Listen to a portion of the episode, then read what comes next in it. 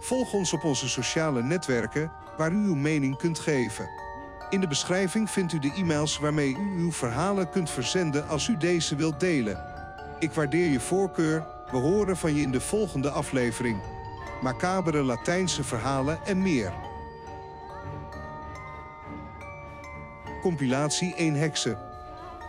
Mijn grootmoeder woonde in het kleine stadje Ixtapa del Oro, een plaats na Val de Bravo. Ze trouwde met mijn grootvader en aanvankelijk kregen ze twee dochters, duidelijk de jonger dan de ander.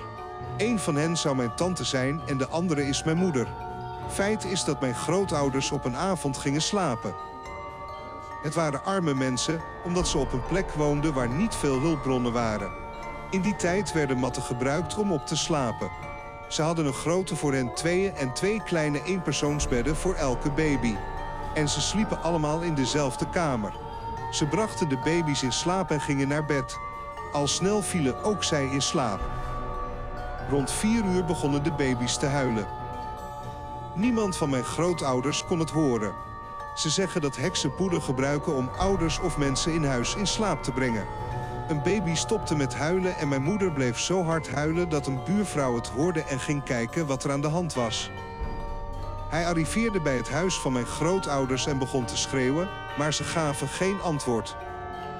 De vrouw, die zich al zorgen maakte, begon op de deur te bonzen en schreeuwde tegen hen dat ze wakker moesten worden. Plots werd mijn grootmoeder met veel moeite wakker en werd wakker. Mijn grootvader hoorde plotseling dat een baby huilde, maar hij begreep niet waarom. Er waren toen nog geen elektrische installaties, dus vroeg hij snel aan mijn grootvader om de lucifers te zoeken en de kaarsen aan te steken.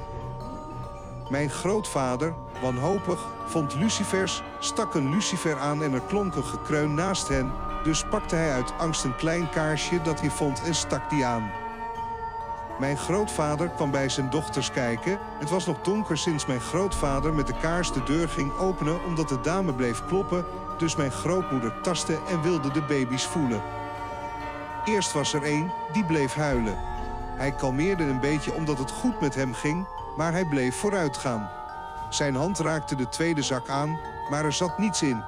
Mijn grootvader schreeuwde tegen hem dat hij met de kaars moest komen. Toen ze aankwamen, zagen ze dat het baby van de mat was gesleept.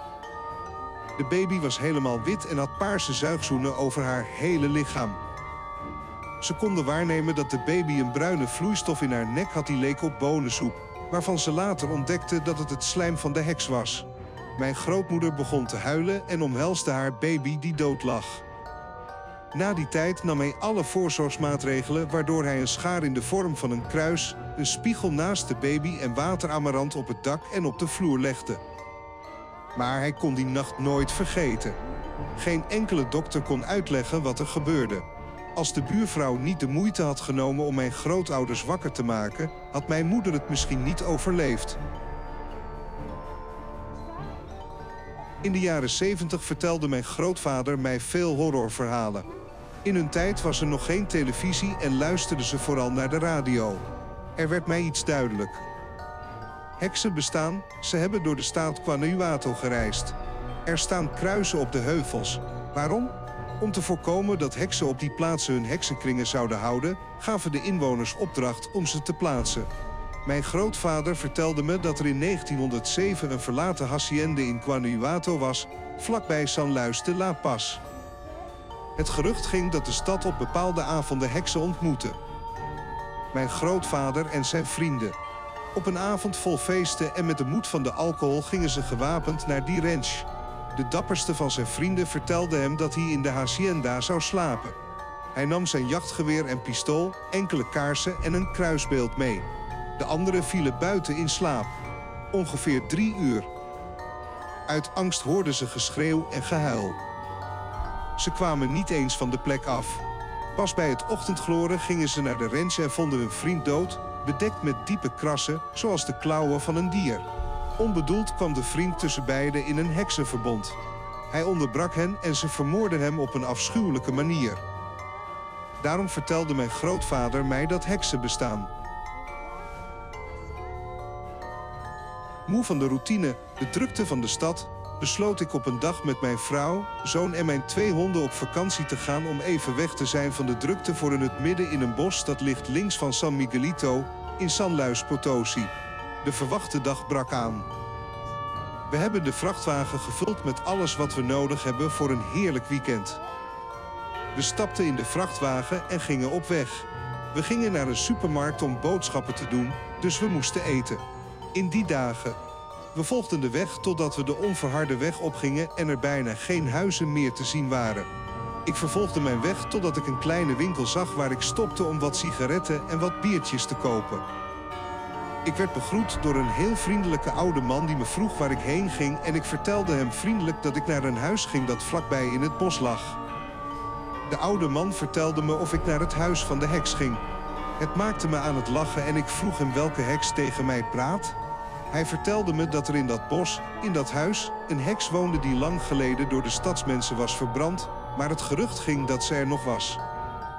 Ik nam afscheid van die man en ging onderweg, denkend bij mezelf dat er binnenkort nog steeds mensen zijn die in die dingen geloven. Toen we thuis kwamen hebben we alles ingepakt en ons geïnstalleerd. Ik liet mijn honden loslopen. Het werd avond en ik bracht mijn honden het huis binnen. Ik sloot alle ramen en alle deuren en we gingen naar bed, aangezien we van plan waren de volgende dag naar een nabijgelegen plaats te gaan. Maar toen de dageraad aanbrak, begonnen er vreemde geluiden te worden gehoord. Ik stond op en liet mijn honden uit. Ik bewapende mezelf met wat ik vond en begon te zoeken naar wat het was. Ik zocht en zocht en keek nergens naar, maar je hoorde alle ramen kloppen dat er iemand over het dak rende. Ik verliet het huis met mijn honden en ik zag een soort gigantische vogel van de ene naar de andere kant bewegen en enorm lachen. Ik rende naar binnen en vertelde mijn vrouw dat we het kind hadden gepakt om hem te beschermen. Maar hoe dan ook, ik hoorde hem steeds tegen de ramen gooien, totdat hij na een tijdje de deur dichtsloeg en er een stem klonk die zei: Laat me binnen. Toen hoorde ik plotseling dat mijn honden zich lieten gaan. Ik begon een grote commotie te horen, maar het maakte me zo bang dat ik besloot niet op te letten. De hele nacht leek een eeuwigheid te luisteren naar het schandaal dat ze veroorzaakten, omdat ik ze kon horen vechten. Toen de eerste zonnestralen tevoorschijn kwamen, was alles volkomen kalm. Op dat moment besloot ik naar buiten te gaan en naar buiten te kijken en ik zag iets waardoor mijn bloed koud werd. Ik zag mijn gevilde honden aan een boom hangen. Ik ging terug naar huis, nam mijn zoon mee en vertelde mijn vrouw dat we diezelfde dag zouden vertrekken. We stapten in de vrachtwagen en gingen naar huis. Sindsdien ga ik niet meer graag naar rensjes of steden. Ik was toen 15 jaar oud en mijn jongere broer was 8. We waren net rond 23 uur bij ons huis aangekomen na een viering van een beschermheilige. Onze moeder stond bij de deur op ons te wachten en schold ons uit omdat we zo laat arriveerden. We legden de reden uit en plotseling begon onze jongere zus, die anderhalf jaar oud is, te huilen. Er werd een wind gehoord die tegen de deur van de keuken van het huis duwde. Mijn moeder werd iets zenuwachtiger. Zo erg zelfs dat mijn vader hem vroeg voordat hij naar zijn werk ging om het water van Sint Ignatius Loyola door het hele huis te sprenkelen, zowel op de deuren als op de ramen. Ik herinner me dat ik die avond, rond 12 uur, de hele fles leeg had gedronken. Wij gingen liggen slapen. Mijn broer en ik vielen uitgeput neer. Die tijd. Mijn moeder, die in haar eentje al met het meisje in bed lag, vertelde ons dat ze een heel zielige kreet hoorde. Het vreemdste hieraan is dat er drie verschillende typen te horen waren: die van een jonge vrouw van middelbare leeftijd, die van een oude vrouw en die van een meisje, die kwamen en gingen alsof het kattengekwetter was. Onze moeder probeerde ons wakker te maken, maar zonder succes. De kamer was praktisch gedeeld, alleen een kwetsbare houten deur scheidde ons. We hebben echter nooit met onze naam geantwoord. Na twee uur hiervan vertelde mijn moeder ons dat de geluiden eindelijk ophielden. Mijn ooms, die in het naastgelegen huis woonden, konden deze geluiden ook horen. Diezelfde middag, toen ik naar buiten ging om het afval weg te gooien, kwam ik twee arbeiders tegen van een veevoerfabriek die vlak achter ons huis lag.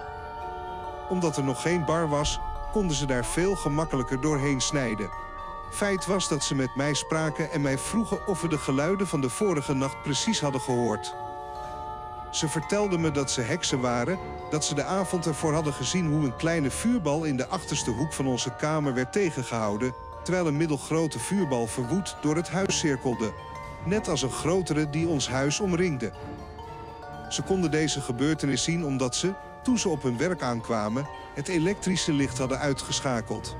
Dit alles was vanaf een afstand zichtbaar. Die arbeiders stopten kort daarna met werken en de fabriek draaide zelfs geen nachtdiensten meer. Ik weet niet of het door wat er is gebeurd of door iets anders. Wat ik hieronder zeg, heeft niemand mij verteld. Het overkwam mij en een paar vrienden. Ik had mezelf altijd als sceptisch over deze dingen beschouwd, maar wat mij overkwam, veranderde van gedachten. En tot nu toe kan ik je verzekeren dat de heksenverhalen zoals ze worden verteld echt zijn. Dit gebeurde in een stad in de buurt van Pan, Querétaro. Mijn vrienden en ik gingen naar die camping. De stad lag op een half uur lopen. Het is een heel klein stadje omgeven door bos. We kwamen aan en installeerden ons. We brachten de middag door op een plek omringd door een paar bergen met een heel dicht bos en een beekje aan de voet van de bergen. S'avonds laat zagen we de sterren op enkele rotsen bij de waterval die de beek vormde. Plotseling zagen we een licht op de heuvel voor ons. We deden de lampen uit in de overtuiging dat het jagers of ontdekkingsreizigers konden zijn. In tegenstelling tot de hier genoemde verhalen. Dit licht was geen vuurbal. Het was meer een bijna blauw licht. We deden een lamp aan en plotseling verschenen er overal op de heuvel soortgelijke lichten. We telden ongeveer 15 soortgelijke lichten. De lichten begonnen met verrassende snelheid de heuvel af en op te bewegen. Toen begonnen we te denken dat het heksen waren. Een van mijn vrienden pakte zijn mes en rende naar de stad. We hebben hem tot de volgende dag kunnen zien. Degenen onder ons die bleven gingen naar de tent die ongeveer 10 meter van de beek stond. We waren bang, maar aandachtig voor wat er buiten gebeurde. Het duurde niet lang voordat we vrouwelijk gelach begonnen te horen dat in lachen veranderde. Het was alsof ze ons belachelijk maakten. Ik geloofde niet wat er gebeurde. Of beter gezegd, ik wilde het niet geloven. Ook al was ik me volledig bewust van wat er gebeurde. Zonder iets anders te horen en al zelfverzekerder overviel de slaap ons. De volgende ochtend zochten we naar sporen waar we de lichten hadden gezien, maar vonden niets. We pakten onze spullen en verlieten die plek. In Arroyo Seco, Querétaro. Meisjes zijn daar niet welkom, vooral niet als ze klein zijn. Heksen zijn er in overvloed daar. Je kunt zien waar ze s'nachts van heuvel naar heuvel gaan. Op vakantie ging een tante op bezoek bij mijn driejarige neefje. Sinds het meisje arriveerde kon ze niet slapen. Ik huilde en huilde. De laatste nacht die ze daar doorbrachten, gingen ze slapen. Toevallig viel het meisje in slaap. Mijn tante maakte van de gelegenheid gebruik om wat uit te rusten. Plotseling, uit het niets, werd hij wakker. Hij realiseerde zich dat het scapulier dat ze droeg gebroken was. Toen hij wilde verhuizen, kon hij dat niet. En zijn stem kwam er ook niet uit. Toen ze haar hoofd omdraaide om het meisje te zien, trok iets of iemand haar naar beneden. Ik heb haar tot elkaar gemaakt. Hij begon te bidden en vertrouwde het meisje toe aan God om voor haar te zorgen. Toen dat gebeurde, klonk er geritsel op het plafond en klapperden de vleugels toen ze vertrokken. Mijn tante kon zich bewegen en pakte het meisje snel vast, controleerde haar en zag dat ze blauwe plekken over haar hele lichaam had en bloed in haar navel. Ze zeggen dat de heksen zijn bloed zogen. Ongeveer vijf jaar geleden woonde ik in een oud huis. Maar dat stond niet op het platteland, maar eerder in de stad, ongeveer anderhalf blok. Er bleef een enorme hoeveelheid pure bomen en vegetatie over die lange tijd onbewoond was geweest. Het begon allemaal als volgt en het was spontaan. Vijf dagen lang hoorden ze krassen op het plafond, alsof er iets boven liep. Het huis was gemaakt van zowel porselein als tin, dus je kon de constante krassen op het tingedeelte horen. Na vijf dagen, rond drie uur, begon een zeer ontstemde dame te zingen en lachte voortdurend op een groteske manier, wat boven het huis te horen was. Mijn grootmoeder, met wie ik moedig samenwoonde, ging naar de patio van het huis en begon te vloeken en begon met een bezem aan het zinken dak te rommelen. Ik bleef uit de buurt van de deur, omdat ik bang was en niet begreep wat er gebeurde. We gingen het huis binnen en dat ding begon harder op het dak te krabben. Er was een schaduw te zien, een enorme en roofzuchtige. Toen begon haar blijkbaar iets pijn te doen. Sindsdien begon ze te schreeuwen van de pijn en rond vijf uur vertrok ze. Mijn grootmoeder vertelde me 's morgens dat het een heks was. Volg ons, abonneer je en deel op YouTube. Dit helpt mij verder met dit project. Geef je mening. In de beschrijving vind je de e-mails om je verhalen te versturen voor het geval je ze graag wilt delen. Ik waardeer uw voorkeur. Tot de volgende aflevering. Macabere Latijnse verhalen en meer.